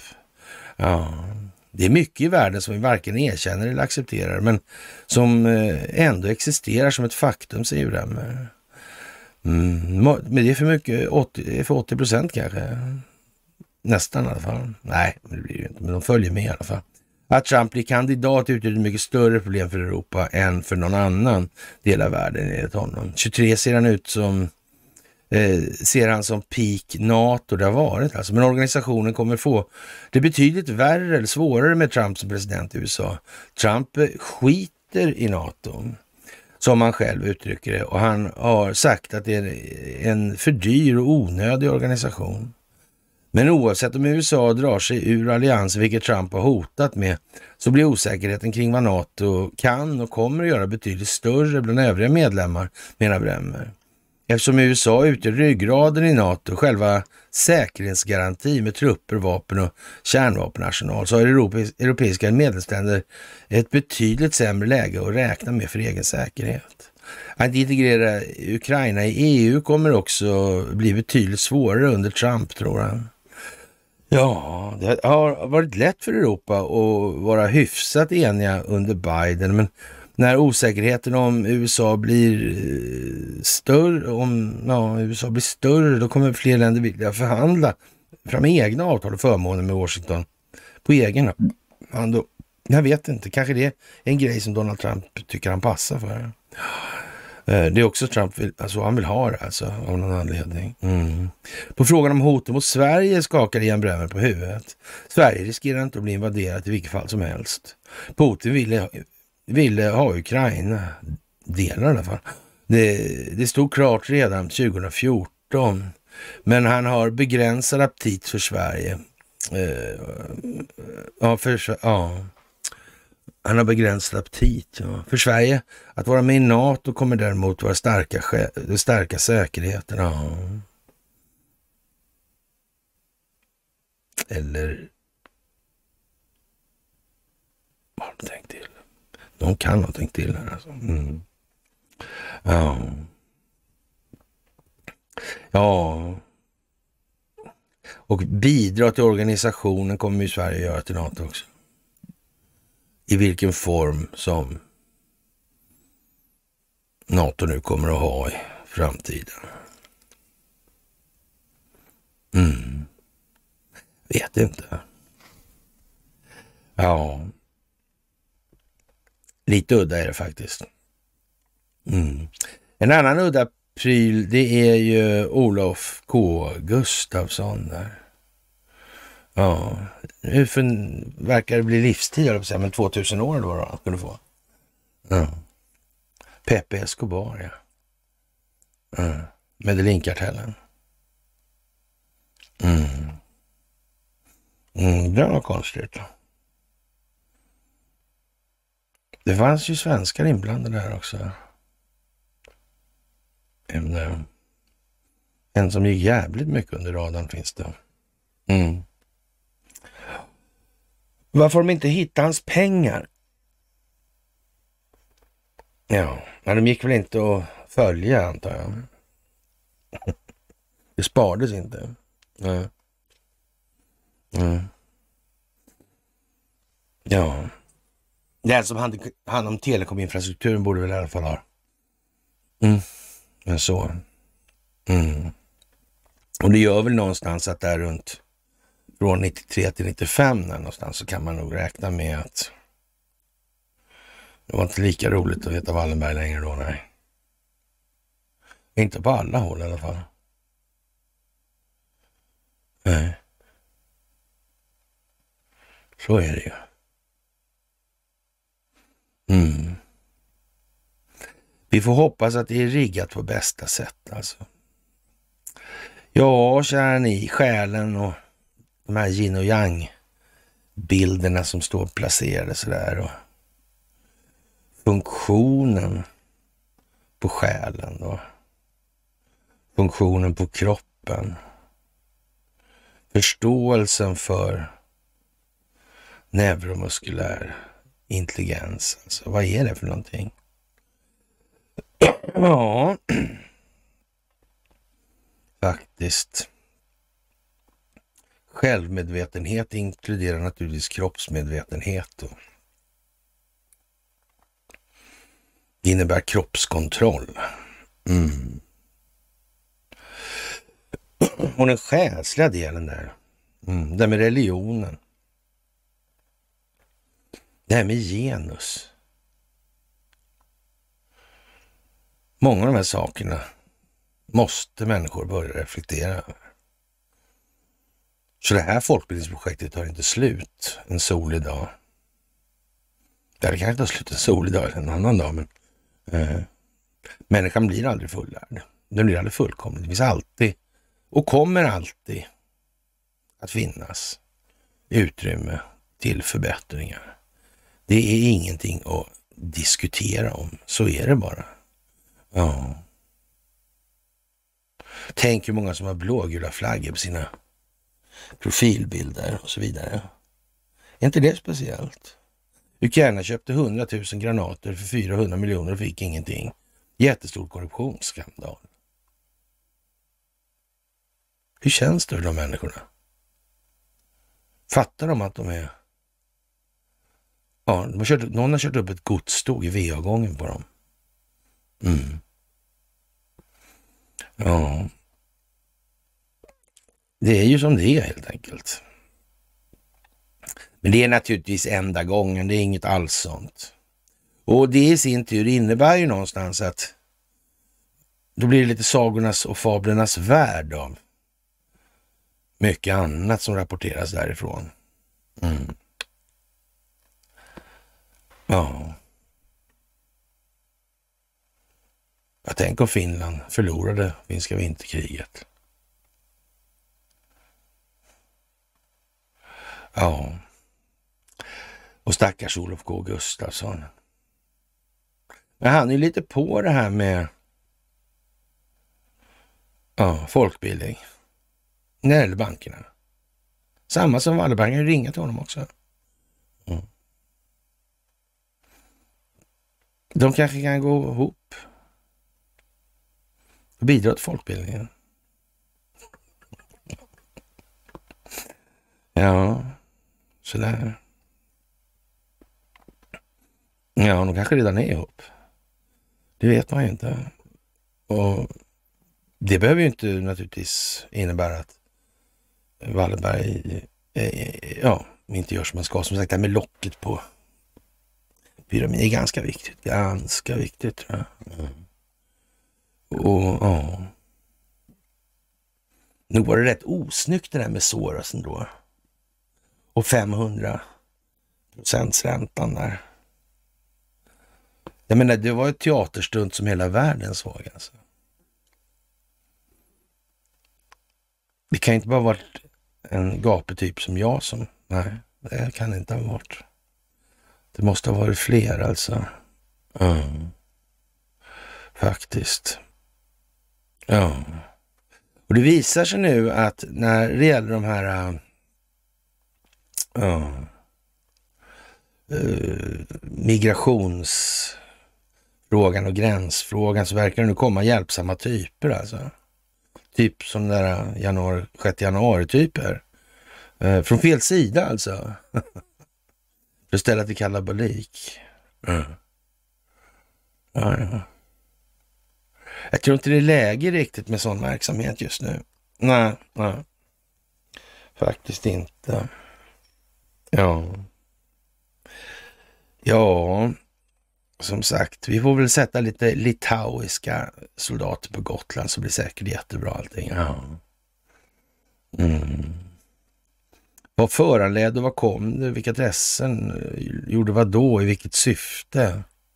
Första världskriget, vad var det där? Hur var det där med Ludendorff och Göring egentligen och asylen i Sverige? Mm. Ja, du Göringen började jobba på ABA i alla fall, det vet jag ju bestämt. Mm. Det vet jag precis. Mm. Alltså, jag vet en massa andra saker också, men ja, Ludendorff där. Senapsgas. Bosch. Mm. Ja.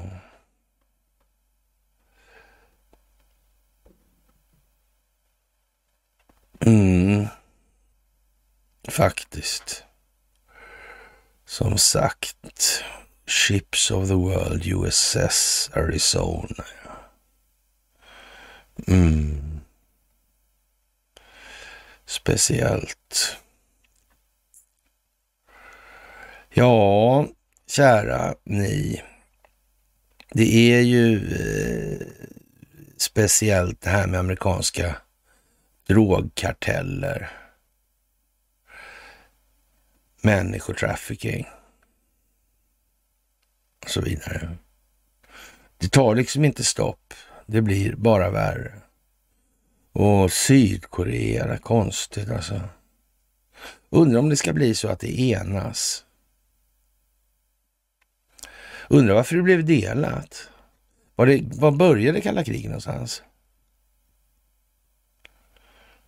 Ja. Konstigt.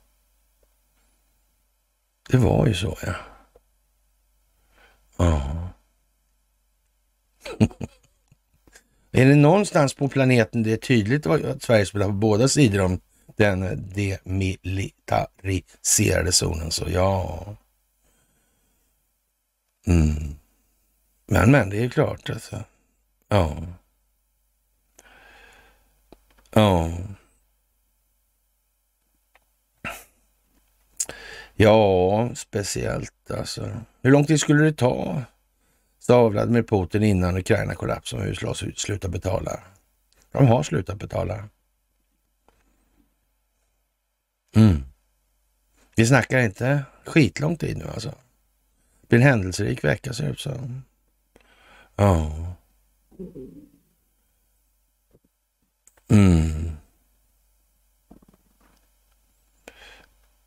Ja. Ja, som sagt. Och eh, ja, sluta bråka eller bli av med rösträtten, säger EU till Orban. Ja, och det stabiliserar både NATO och EU. Ja, jag vet inte faktiskt vad jag ska säga. Mm. Tito Evre, hackerattacken. Hundra myndigheter och mängd företag drabbades av cyberattacken. Samtidigt nu, alltså, i de här tiderna. Är inte det konstigt? Ja. Ja. ja. Det är underligt alltihopa nu måste jag säga. Och eh, avslöjade Himmlers storslagna planer för Sverige. Himmler. Mm. Det kommer en eh, Sundsvallshistoriker nominerad till årets bok bokpris alltså. Ja. Och, och mm. Säkert var det många som inte visste att Heinrich Himmlers Hitler-Tysklands store ideolog hade särskilda planer för Sverige. Det, I det storgermanska rike han planerade. Mm. Mm. Jag vet inte. Lite Joet kanske, lite Swedish Match, lite Felix Kersten. Sen blir det nog vita bussar tror jag. Då. Och sen blir det någonstans ett skjutfält på Skåne skulle jag gissa på. Alltså. Skulle jag nog gissa på. Mm. Ja, kanske lite förhandlingar med Wallenberg och Hitler. De CIA-papperna ser inte så bra ut heller. Nej. Nej, jag skulle säga att har nog förhandlats en bra stund alltså, skulle jag nog säga. Mm. Och ja, mycket har nog skett för att det måste ske helt enkelt. Så är det också. Mm. Ja, och USA till attack mot Viktor Orbán, Ungern skadar NATO. Ja. Spelar det någon roll kanske? Mm. Ja. Och Trumps fick ett jättestort skadestånd att betala. Mm. Ja, jag vet inte. Ja, antisemitism och antisamitism kanske. Ja.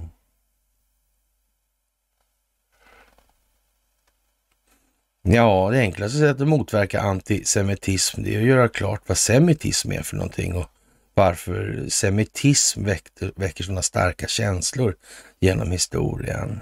Mm. Ja, man vet ju inte det liksom. Det är ju jättekonstigt det här alltså. Ja. Faktiskt. Ja, tråkigt med, med när det blir så här tycker jag. Alltså, ja.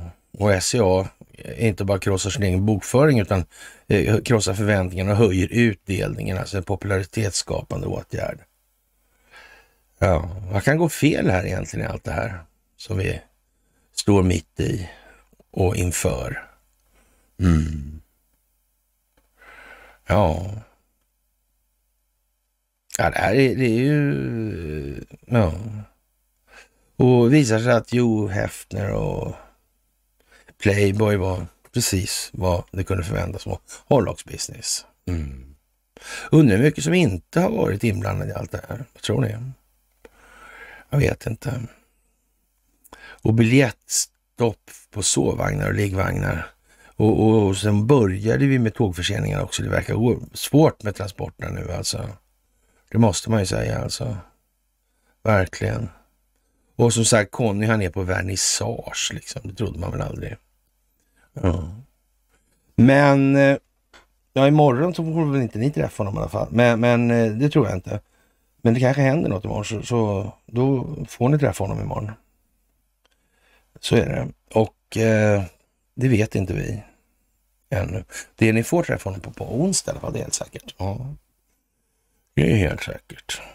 Och med det, kära vänner, så lämnar vi den här måndagens stilla betraktelse över tillvaron och vad som sker i oss och omkring oss själv. Mm. Och sen får ni ha en fantastiskt trevlig måndagkväll så hörs vi alltså senast på onsdag.